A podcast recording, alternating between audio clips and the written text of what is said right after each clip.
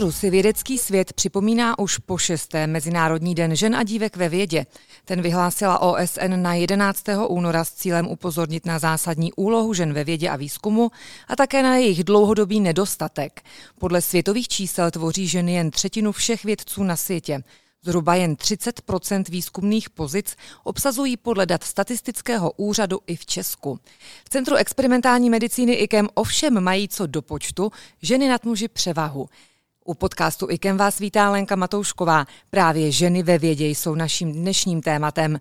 Proberu ho s jednou z nich, paní doktorkou Monikou Cahovou, která v Centru experimentální medicíny vede laboratoř patofyziologie metabolismu. Vítejte. Děkuji. Nejprve pojďme říct něco o vaší práci. Vaše laboratoř zkoumá střevní mikrobiom a jeho vliv na zdraví, jestli to říkám správně. Proč je důležité ho znát a co konkrétně zkoumáte, co vás na něm zajímá? No, střevní mikrobiom je téma, které se vlastně vyvíjelo v několika etapách. Začalo to, když Pasteur vůbec objevil, že existují nějaké bakterie a tehdy bylo možné kultivovat jenom tady na plotnách, na stole, na vzduchu a mělo se za to, že jich je tak asi deset, kdo, co žije v našem střevě. Pak přišlo poznání, že ve střevě vlastně není kyslík a že rozvinuly se techniky anaerobní kultivace a přišlo se na to, že jich jsou tam desítky. A zhruba před deseti lety začala nová velká etapa ve výzkumu tohoto fenoménu, která přišla s rozvojem technik, s adaptací technik, které byly vyvinuty pro studium eh, sekvenace lidského genomu. A my vlastně teďka se už na ty bakterie dokážeme podívat, aniž bychom je vlastně viděli. Ty díváme se jenom na jejich DNA, jenom je osekvenujeme a najednou se zjistilo, že s námi nežijí desítky, ale v podstatě tisíce. Teď se odhazuje asi, že v našich střevech bydlí zhruba tisíc eh, druhů bakterií, možná se to číslo ještě bude měnit. A změnil se takový pohled od toho, že bakterie něco špinavého, ošklivého, eh, co je vlastně patogén. Já, jedna z nejpříšernějších reklam, které znám, říká, nikdy se nedotýkejte bakterií. Na to, že my jsme vlastně holobiont, že jsme takový celek, který se skládá z toho člověka a pak všech těch organismů, které s námi bydlí a tento celek vlastně utváří to, co jsme. A eh, v čem se dá to poznání potom využít, třeba konkrétně v medicínské praxi? Každé poznání se dá využít a až ho budeme mít, tak ho určitě využijeme, ale jak říkám, zkoumáme to 10 let. Ten výzkum dál jde mnoha směry, hledají se to už je opravdu na experimentální úrovni, asociace mezi určitými chorobami a konkrétními bakteriemi, buď pozitivní nebo naopak negativní. Ukazuje se, že třeba to, co nám bydlí ve střevech, eh, určuje, jak jsou účinná určitá léčiva. Takže třeba jedna z možných, ale to je opravdu velice jako výhledový směr je, například u pacientů, kteří podstupují chemoterapii, některé bakterie můžou tyto léky velice rychle rozkládat, takže se nejdřív zjistí, co ten pacient má ve střevě, případně se například pomocí fekální transplantace mikrobiota upraví a pak teprve se začne eh, terapie léčivem a třeba bude úspěšnější. Myslím, že těch směrů je hodně. Přejdeme tedy k té, z toho obsahu té vaší současné práce, k vaší cestě, eh, tou vědeckou kariérou. Proč jste se rozhodla eh, zrovna pro vědní obor a eh, jaké cesty vás zavedly až sem do IKEM? Já bych řekla, že jsem neměla volbu. Já jsem z vědecké rodiny, pravda, tatínek je historik, tak to jsem se trochu nepovedla, ale moje maminka byla biochemička, a v IKEMu pracovala od, tedy tehdy ještě v Ústavu pro výzkum výživy lidu, pracovala vlastně od začátku své vědecké kariéry v roce 53 až do konce, tedy ona téměř do smrti. Já jsem v laboratoři vyrostla, takže to byl takový imprinting. Měla jste vy sama někdy pocit, zažila jste během své kariéry situaci, kdy jste vnímala, že něco máte těžší jen proto, že jste žena? No, já bych řekla, že protože mám karyotyp XX, tak to mě nevadilo. Co mě komplikovalo život a v podstatě komplikuje do teďka, je, to, je ta role, kterou člověk žena a člověk vědkyně v tom životě zastává, že společnost očekává, že žena bude ten pečující element, což v podstatě vůbec nevadí. Já se o svoji rodinu starám ráda.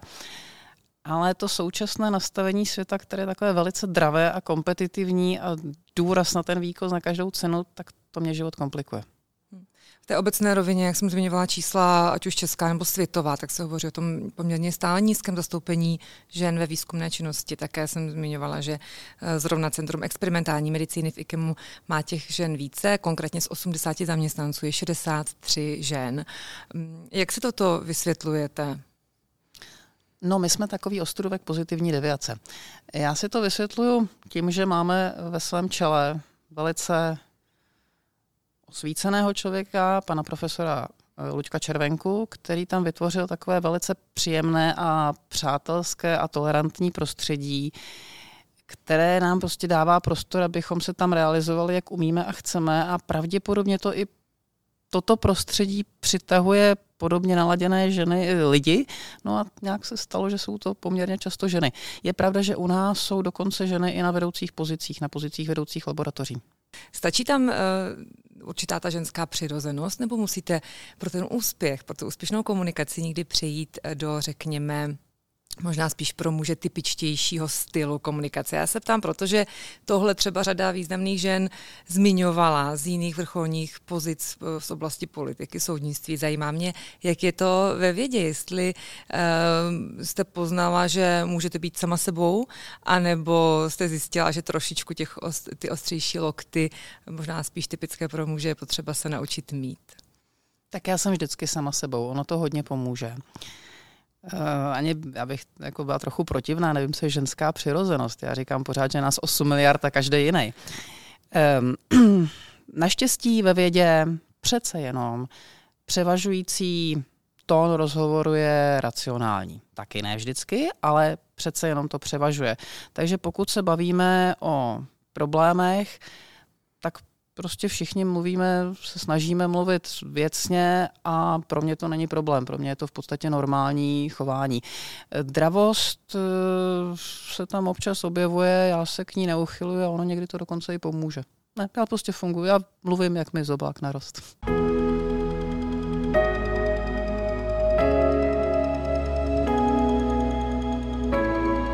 Posloucháte IKEM podcast. Proč podle vás ovšem řada eh, čerstvých absolventech, eh, absolventek studií třeba se hm, potom ztratí při té své cestě do praxe, protože ta čísla to naznačují, že těch eh, na akademické půdě žen studujících vědní obory je poměrně dost, ale rozhodně více než potom v té reálné praxi. Tak máte na to no nějaký pohled? Určitě žen, které Abych si dovolil jako historický exkurs, protože v letošním roce je to přesně 120 let, se promovala první žena jako lékařka v roce 1902. A teď ta cesta žen ke vzdělání byla velice trnitá, takže to, že v tuto chvíli vlastně převládají vysokoškolsky vzdělané ženy, se dá označit jako úspěch. Ale oni převládají jenom v těch posluchárnách a posléze na nižších pozicích a ne na pozicích, kde se o něčem rozhoduje třeba tady, prostě já jsem si našla nějaká data, vědkyně data. Když se podívám na akademické pracovníky podle pohlaví a profesního zařazení údaje Českého statistického úřadu, tak lektorů je víc žen než mužů, asistentů je to přesně 50 na 50, odborných asistentů je 60% mužů, docentů 75 mm, a profesorů 85%. Takže opravdu se nám ty ženy ztrácejí. A teď je otázka, proč. Já si myslím, že jste, vy jste před chvílí zmínila takovou tu komunikaci mužského typu. Já nevím, jestli je to komunikace mužského stylu, ale je to komunikace kompetitivní. Eh, společnost, jestli je to tím, že byla dlouho patriarchální nebo výbůh čím, je hodně nastavená na výkon za každou cenu, na dravost, na rychlost, na soutěž. Pokud budou toto kritéria výběru, tak jedinci, kteří tyto kritéria splňují, budou upřednostňováni je to určitý typ lidí a z nějakého důvodu většinově mužů. Oni se tam můžou dostat i ženy, ale pokud budou vybírány podle těchto kritérií, tak je to celkem jedno.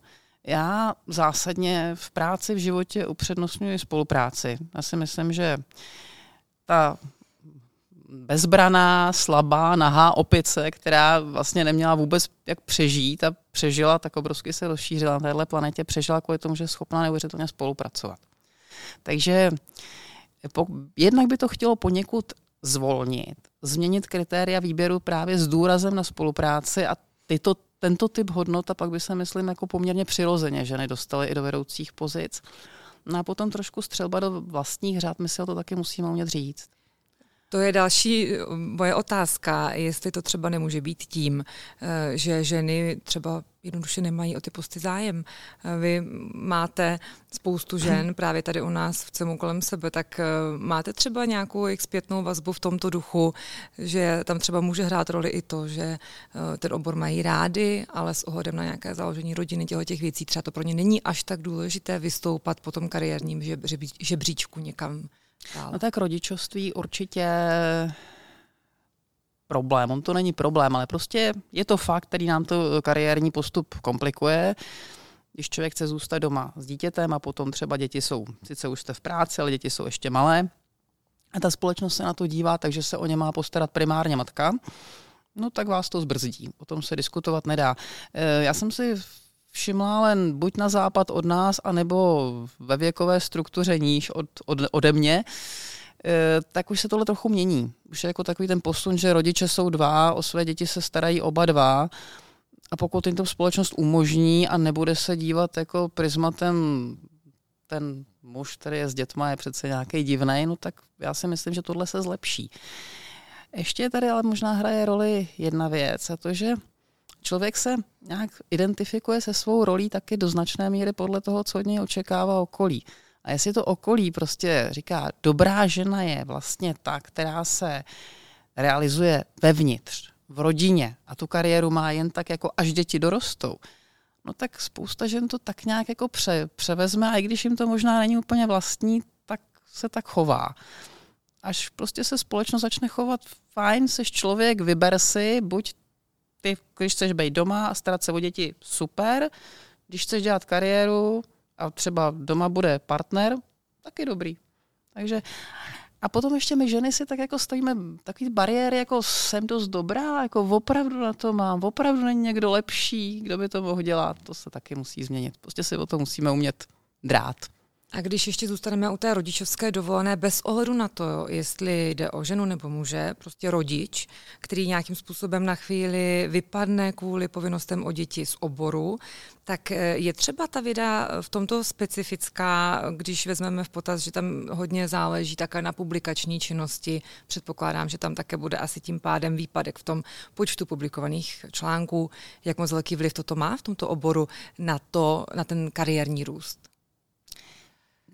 Právě, to je otázka těch kritérií. Pokud budeme toho člověka hodnotit podle H-indexu, impact faktoru, počtu publikací a tak dále, tak to prostě jednoznačně handicap je. Pokud toho člověka zhodnotíme podle toho, co je schopen dělat, tak to handicap není. Naopak to rodičovství člověka obohacuje, obrovsky vám to rozšíří vaše třeba time management, matky podovolené, no mateřské dovolené, no to je prostě, to je ukázkové, na to žádný svobodný jedinec nemá. Já znám eh, řadu žen, které se vrátily třeba i po několika dětech do vědy a dělají výbornou práci. Pokud společnost zohlední, ano, byla si čtyři roky doma s dětmi a je to od tebe skvělý, protože jsi se starala o děti a vrať se a my se na tebe budeme dívat stejně jako na tvého mužského kolegu, tak fajn. Pokud tam pořád budou hrát roli ty ukazatele, tak to problém bude. Vy sama eh, jste mámou, tak jaká je ta vaše zkušenost? Jak vám se podařilo sladit ten rodinný život se špičkovou vědeckou kariérou, protože jste ve vedení eh, laboratoře, jedno z nejvýznamnějších center vědeckých u nás, tak eh, jak jste to dokázala vy? No, jednak mohlo by to být lepší. Kdybych nebyla na mateřské dovolené, tak bych možná třeba měla ten H-index větší a bylo by to, ale já bych to určitě nechtěla. Uh, jak říkám, Fikemu bylo tolerantní prostředí a umožnilo mi to. Vnímáte eh, v té vědeckém prostředí eh, nějaký, nějaké nahlížení na ženy vědkyně formou nějakého typu stereotypu? Objevuje se něco, nějaké nálepky, kterých byste se rádi jako ženy zbavili, specifických pro tento obor? Um, no, to je obecně prostě vnímání žen jako takových, že často je to teda spíš u té starší generace, ale bojím se, že ještě někteří to převzali z těch mladších. Eh, muž vědec je ten, který je nositelem těch vzletných ideí, táhne výzkum dopředu, odpadávají z něj ty moudrá a ženy jsou ty pilné včeličky, které jdou za ním a pozbírávají to a rozpracují a dotvoří a jak si ano a pak on jim, až bude přebírat tu cenu, tak jim poděkuje za tu skvělou podporu. To je velice stereotypní vidění. Já si myslím, že jsou velmi vzletné ženy, které mají prostě velice vizionářské vidění, ale já jsem predeterminovaná třeba svojí rodinou. Moje maminka byla opravdu vizionář. Ehm, a určitě takových žen je hodně hodně žen jsou opravdu takové ty pilné pracovnice a vice versa. Tohle je ošklivý stereotyp. Eh, ta vaše zkušenost a v podstatě i ty počty, které máme v Centru experimentální medicíny, pokud o poměry žen a mužů, úplně, řekla bych, neodpovídají právě eh, těm číslům, o kterých jsme se zde bavili a tomu, eh, tomu stavu, kvůli kterému si už po šesté připomínáme ten Mezinárodní den žen a dívek ve vědě. Přesto je tedy podle vás na místě otevírat takto pravidelně tu genderovou otázku ve vědě. Je to téma a z toho, co jsme, co jsme zmínili, co podle vás je v tuto chvíli, řekněme, nejpalčivější, nebo co je nej, možná nejblíže tomu nějakému snadnému vyřešení situace tak, aby to měly ženy um, minimálně stejně komfortní v některých věcech jako muži? No, na místě to je určitě. Já jsem se třeba jen tak velice stručně podívala na čísla z současné stav Akademie věd České republiky, tak je skvělé, předsedkyně Akademie věd je žena a dokonce už ve druhém funkčním období. Takže super, dokonce byla i předtím paní profesorka Ilnerová, takže postupně se tam vystřídají dvě ženy. Ovšem v současnosti e, Ústavu Akademie věd je 53, pět z nich vedou ženy, 48 vedou muži. Vědecká rada Akademie věd předseda muž, místo předsedu je pět, jedna žena, čtyři muži, členové 23, tři ženy, 20 mužů. To mluví samo o sobě, to prostě není vyrovnané. Takže je zapotřebí se tomu věnovat. A recept, no já ho neznám. Já se snažím ve své skupině ženy velice podporovat. Mám tam dvě studentky, o kterých vím, že prostě půjdou na mateřskou, já jim držím palce. Mám tam ženy pomateřské, které mají děti a fajn, pracují u nás, velice si jich vážím. A pevně doufám, že se tohle postupně propíše i do vyšších sfér a prostě takové drobnosti, klouzavé pracovní úvazky, dělené rodičovské dovolené, možnost nějak hlídat děti formou podnikové školky a spousta, spousta drobností a hlavně taková ta celková otevřenost a vědomí, že ty ženy ve vědě potřebujeme. A co vy osobně a nějaké další vaše pracovní plány, ambice, cíle, jaké jsou? No, pokračovat v tom, co tady děláme. My máme výbornou spolupráci s klinickými pracovišti. Já si velice vážím možnosti pracovat v IKEMu, protože to je mm, skloubení experimentálního zázemí a naprosto špičkové kliniky, můžeme si vzájemně doplňovat eh, a díky tomu můžeme řešit jako velice specializované úkoly, střevní mikrobiom a diabetologie, střevní mikrobiom a hepatogastroenterologie, to jde velice dobře dohromady, takže v tuto chvíli tady běží asi čtyři nebo pět projektů a já doufám, že je zdárně dotáhneme do konce. Budeme vám k tomu držet palce. Eh, tolik tedy o ženách ve vědě a v IKEM s paní doktorkou Monikou Cahovou, vedoucí laboratoře patofyziologie metabolismu Centra experimentální medicíny IKEM. Děkuji.